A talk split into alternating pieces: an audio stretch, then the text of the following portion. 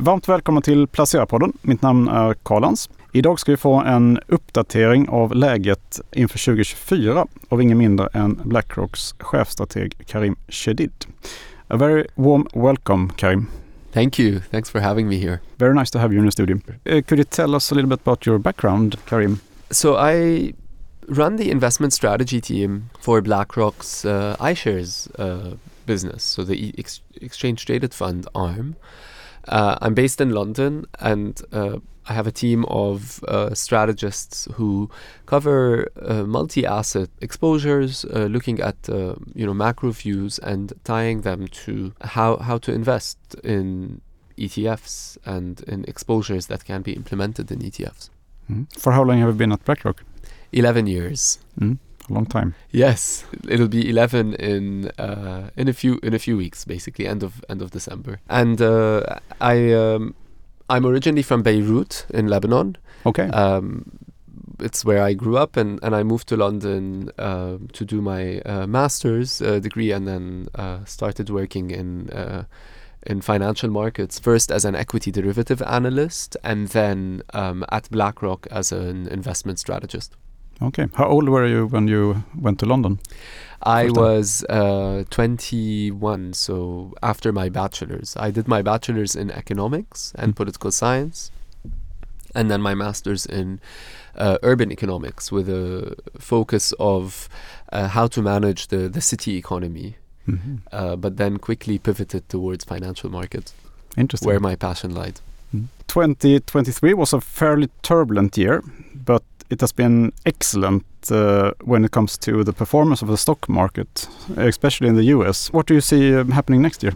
What's your view of uh, 2024? Sure. I mean, as we turn to 2024, I am optimistic, uh, but I think it's uh, optimism with uh, dispersion because when we look at the stock market this year, yes, the stock market has done well relative to the turbulent macro environment, and even in absolute terms, it's up double-digit returns. But if you look at the S&P 500 uh, versus the S&P equal weight, the performance differential is pretty big. Uh, the S&P equal weight, which reflects the broader stock market away from the concentration of the Magnificent Seven, the top seven stocks that are mostly in technology in the US, the performance of the broader benchmark has been poorer. It has it was flat up until Q4. Now it's up about six, uh, you know, percent or so uh, because of the rally that we've seen since November, but it's much poorer than the S&P 500 double-digit uh, return. And I, the key takeaway from me is that dispersion is back. Mm. And uh, you see dispersion in earnings and uh, dispersion due to forces like artificial intelligence. So when I look at 2024, I'm optimistic. There's a lot of cash on the sidelines that needs to be invested but I'm also looking at dispersion, looking at selectivity in terms of which sector exposures to invest in. I see. Uh, what what happened to um, rates? Were supposed to stay higher for longer. Yeah. Almost everyone spoke about it uh, early November, at least, Mm-hmm. and then it suddenly disappeared. I mean, it hasn't uh, disappeared entirely in that, uh, you know, now we're, we're having this conversation after the last meeting from the Fed this year. And uh, of course, we heard from Jerome Powell signaling uh, the dot plot signaling 75 basis points, so three uh, cuts in the interest rate um, in 2024.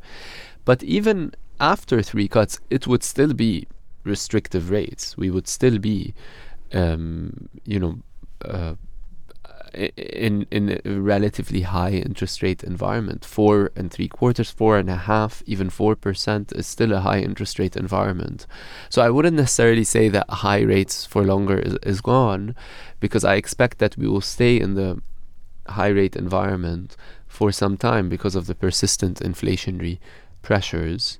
And it's not so much about where to hide because rate cuts are good for asset classes and I don't think this time would be different. I think it will be good for investing, but it's more around where do you position in a high interest rate environment um, that is here to stay.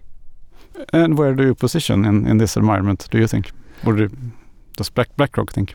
Well, I, I follow two two frameworks. Uh, The Mm. first is really looking at um, exposures that can continue to do well in terms of earnings. Um, if you look at the earning expectations for 2024, uh, these are analysts' expectations of how well companies will do in terms of their results. Expectations have gone up quite a bit. Um, for 2024, S&P 500 earnings growth estimates are now at plus 11%. For European equities, up plus 6%. So we have a positive earning expectation environment, which means that the bar is high, which means that uh, if earnings come below that, it can be quite negative for sentiment. Which is why my first framework is to position in segments of the stock market where you have confidence that these companies will be able to do well, do, generate good results, even if um, the cost environment is still difficult, even if the consumer in the US is getting a little bit tired. So I like the technology sector. Okay. I also like healthcare. Mm. I also like um, uh, some uh, sectors on the cyclical side that are cheap. So that's my second framework. My first framework is focusing on quality, Mm. good earnings Mm. uh, generation, and my second framework is focusing on cheap sectors. I like European banks. I think Mm. The- They're really cheap, no? Mm. they're very cheap.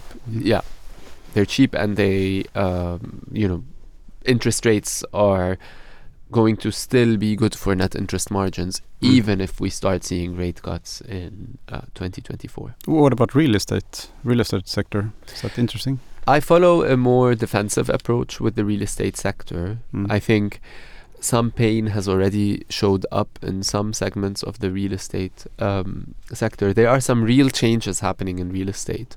The future of the office, Mm. that's a structural change that we need to adapt to. Yep.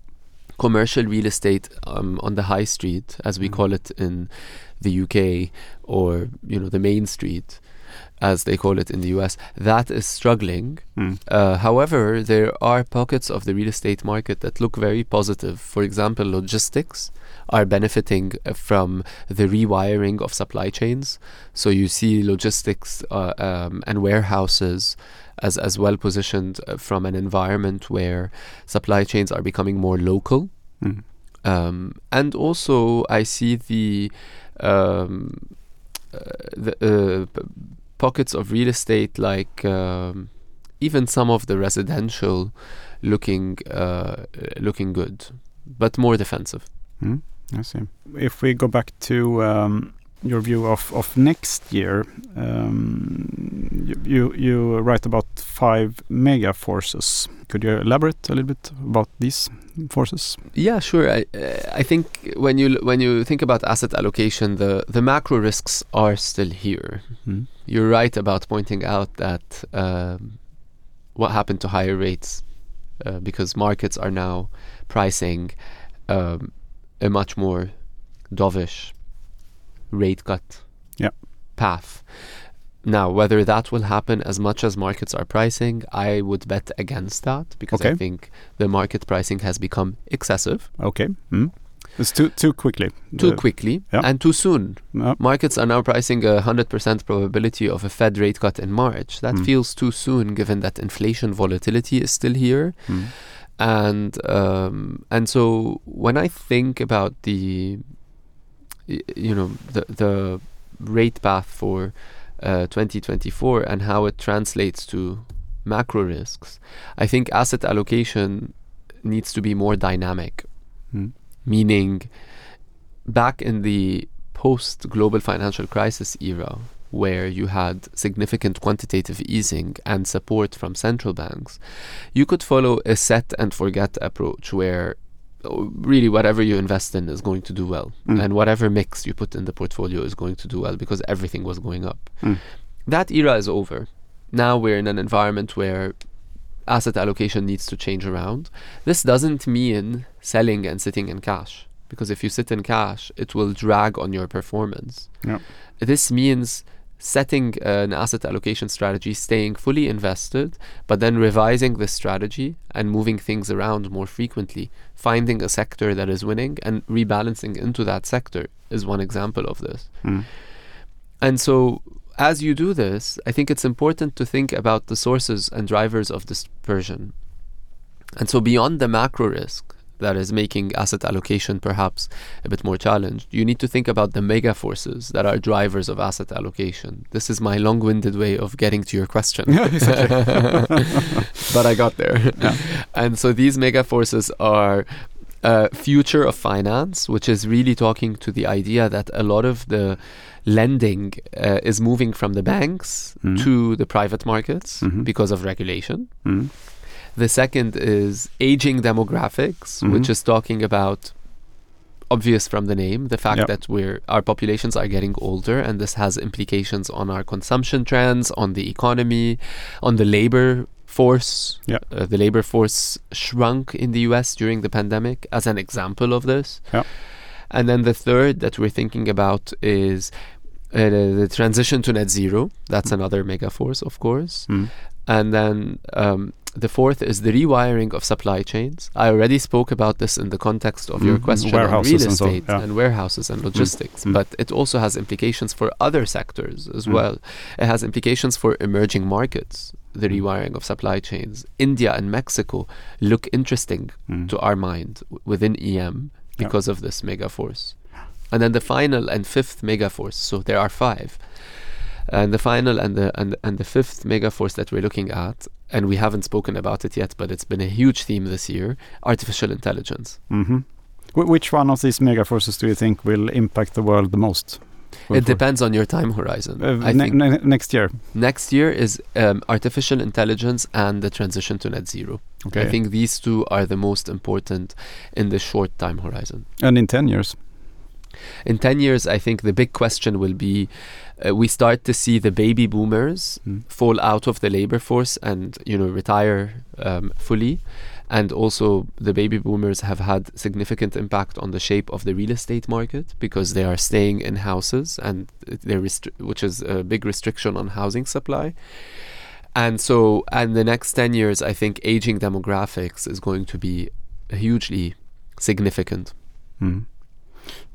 And if we look at uh, at the next year, you think uh, that AI is going to affect us? In, in what way are we going to see that? Um, I think we will see it in the stock market returns and earnings. Mm. Uh, if you look at this year, Mm. the difference between the earnings figures of a company that is uh, generating Gen AI Mm. and a company that has nothing to do with AI has been huge. And I think this dispersion will continue to be a driver in 2024.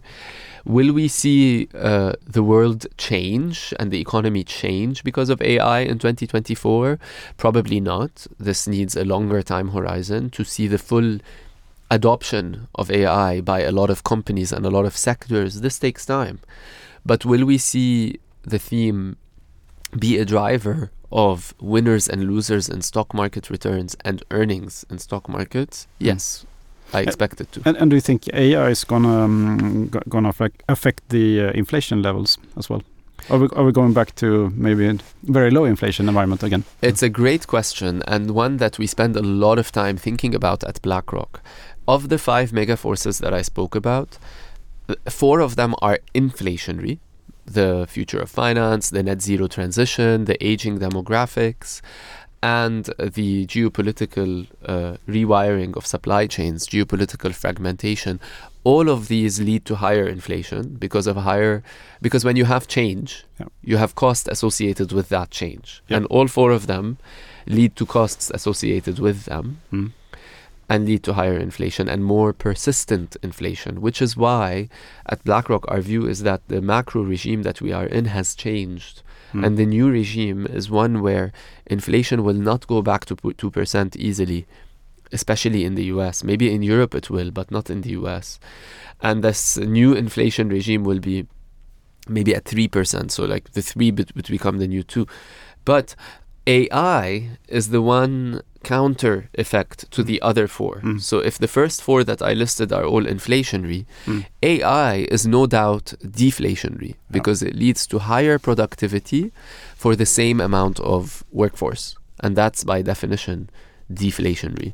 Mhm. And so the jury is still out, as we say, you know, in English, uh, meaning the, the verdict is, is not clear yet I don't know. Mm. right on on whether AI will win or the other four will win with regards to inflation. Mm. but there's definitely a counterbalance. You say that we are go- probably going to have higher inflation for longer. Do, do you think that central banks uh, are going to raise their inflation targets if you look globally, maybe? Because now we are at 2%. So, yeah, difficult to see that. In fact, yesterday from the FOMC, we saw the targets revised slightly lower, Mm. and I, I would expect to still see further downward revisions in inflation targets. Mm. Um, uh, sorry, uh, inflation forecasts. Yep. They've revised their inflation forecasts Mm. lower, and I would expect them to see.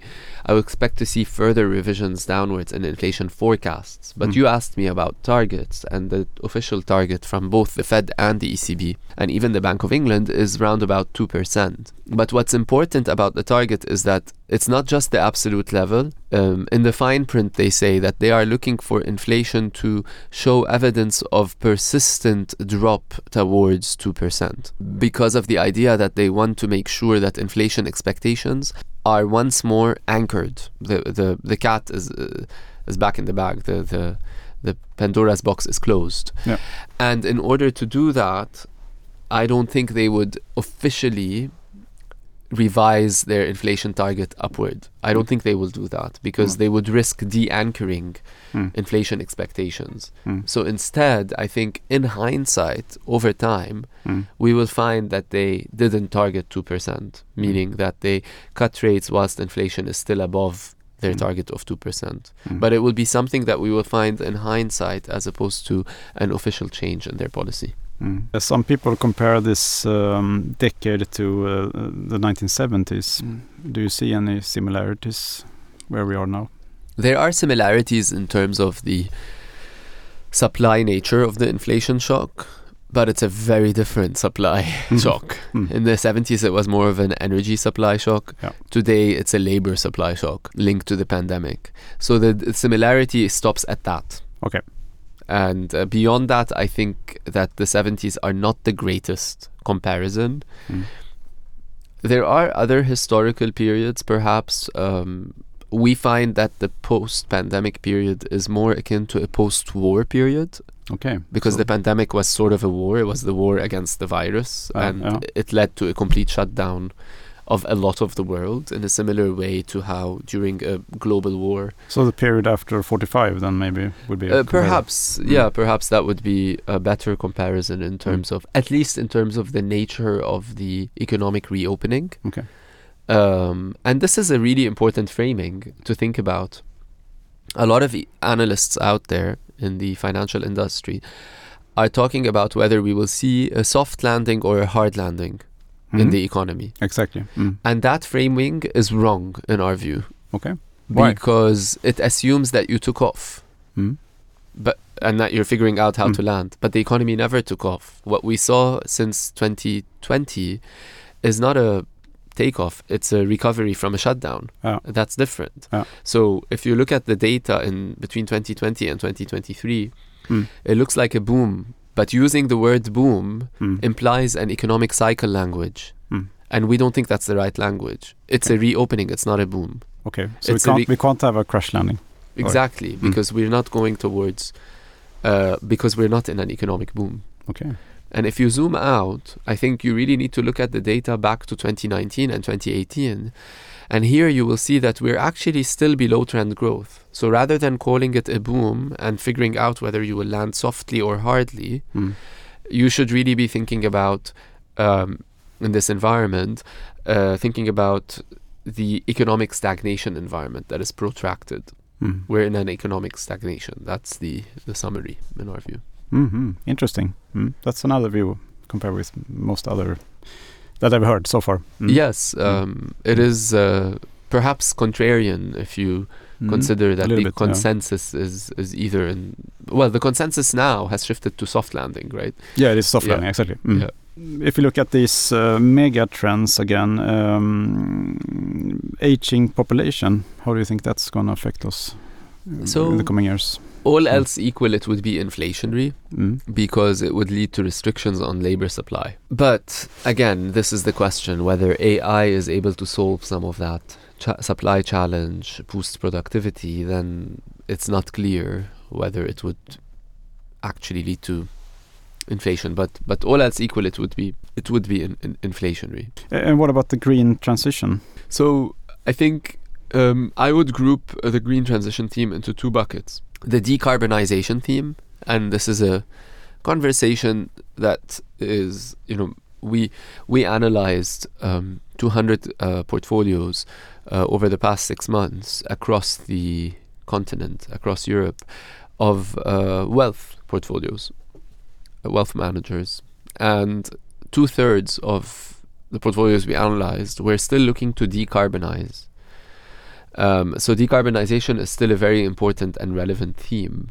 We need more standardization in the approach to this decarbonization but it's definitely still a very important theme. But then the second bucket, which is probably newer and and uh, quite interesting, is thinking about the investment opportunities within the transition economy. Mm-hmm. Thinking about battery metals like uh, lithium and copper and cobalt. Thinking about battery storage. Because as you think about a circular economy, you'd expect that a lot of these metals will need to be recycled once they are mined in order to reduce the the inten- the resource intensive nature of even the green industry itself Yeah. because it's resource intensive to mine even the green metals that are Yeah. needed for the transition and so battery storage companies start to become very interesting in that context because you can store those metals so we're seeing greater focus on uh, parts of the stock market that are either in the green metals mining Mm. or, or battery metals mining or battery storage Mm. But these sectors have been really um, trade, tra- traded down during this year and, Mm. and the, the year before. Uh, I mean, green energy funds have been Yeah. doing performed really badly yes the last year. But um, I would make a distinction between the clean energy and green energy Okay. exposures Mhm. and the metals. I think the metals are uh, their performance profile has been dif- hasn't been as bad. It has been poor for areas like lithium because of concerns with oversupply in the near term. Although long term, you do the calculations and you'll find that the supply will be nowhere near what the demand that is needed for the green economy. So if your time horizon is long term, you would buy on the dip mm. in even in those areas. Uh, but I would make a distinction between their return profile and clean energy. Clean energy companies have a very high duration profile. So when rates went up, they were hurt Yeah. by the higher rates. Um, and so it's well understood why they've um, underperformed. Um, and uh, and then I would also consider exposures like the uh, you know the battery storage I, I talked about, but I would also consider um, exposures in um, you know broader uh, transition baskets in, in private markets because you are also seeing significant pickup in investment in green infrastructure, and uh, so that's uh, and also in um, transition um, technology like uh, carbon capture, Mm. um, and so those parts of the infrastructure market and in, in, private markets becomes really interesting. Mm. You mentioned earlier that uh, many investors still sit on cash. Yes, they do. Um, do you think they're gonna be forced to to buy into the markets in the coming year? Well, I'm forced means that they are uh, momentum investors who are trying to follow the the, Mm. the momentum of the trade that they got caught out on. Mm. And I'm not sure that's necessarily what would happen. I think what would happen is that as rates start to fall, the opportunity cost of holding cash will start to go up. And so the balance will become more in favor of taking risk. And so they will take risk They will start to take risk. Mm. Exactly. They will start to take risk as a result of that. So I think this is the time to step out of cash uh, and go into fixed income. Uh, if you think about uh, quality income exposures like um, you know investment grade, uh, for example, a fixed maturity fund is yielding now in the two-year bucket above five percent. Mm. It won't be yielding that in six months. No. So the, now's the time to step out of cash and buy these exposures before yields fall. Okay. And now is also the time to step out of cash and buy equities because equities at 10% or 15% when cash is at 5% means that equities still win. Mm. So it is also time to take risk in equities. Okay. So it's time to buy. Um, next year is uh, election year in the US. Yes. How do you think that's going to influence the markets? And not just in the US, we also have elections across the globe. It's actually even in India, no? India, Mexico, yeah. Taiwan. Mm. Uh, even in the UK, we might have an election next year Mm. because we're supposed to have it before January 2025. Okay. So there's a good chance that it would fall within 2024. We even have a European parliamentary election as It's well. true. Yeah. So if you consider the number of people going to the ballot, it's probably a record. Uh, if you add up uh, the population of people who will be voting in some shape or form across Mm, the world, mm. A few billion. Mm. it's a lot of people. Oh. And I think this creates an environment which adds to the volatility and uncertainty. However, our analysis suggests that geopolitical risks do not have a lasting impact. These types of binary events, like votes, Mm. don't have a lasting impact on the market. Um, over, if you take the long-term horizon, um, macro matters more, mega forces matter more. So I would think of the elections, including the U.S. election, as near-term milestones or signposts or flashpoints within the broader theme around uh, rewiring of supply chains and uh, geopolitical fragmentation. Mm. And so it's probably more important to position for that bigger theme and understand how those elections are going to factor into it. And that bigger theme is one that will stay with us for some time. It's um, creating an environment that isn't ending globalization, it's just changing the way that globalization happens. So, in that scenario, um, countries that are important uh, blocks within their regions will be even more important. So, India within South Asia, Mexico within LATAM, uh, Turkey and Saudi Arabia within the Middle East, you know, those types of emerging market economies will be e- of greater importance within their neighborhood compared to uh, the global powers. And that creates investment opportunities in some of these markets, which is why I mentioned India earlier and also Mexico. Mm. So, so mm, next year could be a really good year for emerging markets, maybe. Not on a broad level, I think on a differentiated Okay. country by country level. So more, more India, Mexico, and um, Vietnam, maybe. Yeah, Southeast Asia looks interesting too, but not on a broad EM level because on a broad EM level, I think if DM is going to do better in an environment where rates have peaked, then you're less likely to take risk in EM. It's true. So that's why I would go selective as opposed to broad. Mm. I was just thinking that if you see a, a weakening dollar and lower interest rates, that usually benefits the emerging market sector. Absolutely. Mm. The only thing is that the emerging market equity uh, exposures are already well owned. They saw record ETF flows in 2023 and 2022, uh, exchange traded fund flows, whereas emerging market debt is less well owned. So maybe it would bet- better position emerging market debt um, given the lower ownership. What, what's your view of the European markets uh, for the next year?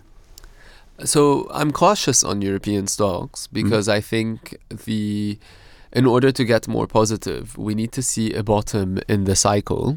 And here in Europe, we have seen a recession, unlike the US. Um, the data is quite bad, especially in, in Germany. We had manufacturing PMI print at 38 back in October. But but still, you have uh, DAX uh, printing new all-time highs here. Yes, Mm. that's the stock market. Yeah. which doesn't always No, correlate with the uh, economy. mm.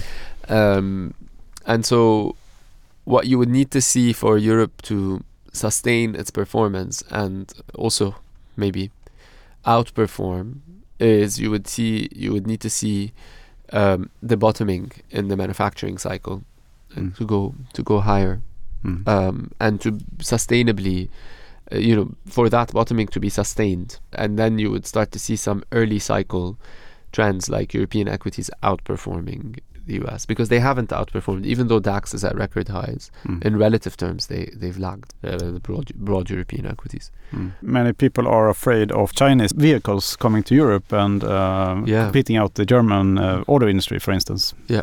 What's your view on that, or if you have a view? I think that um, the barrier to entry for um, China EV is higher in the US than in Europe. So in Europe, they already have significant market share. Yeah. And within the Chinese stock market, the, that, you know, the EV sector as well as the uh, solar um, sector, the electrification sector, do look interesting. In Europe, I think the opportunities are probably um, more attractive in other sectors like the banks that I mentioned.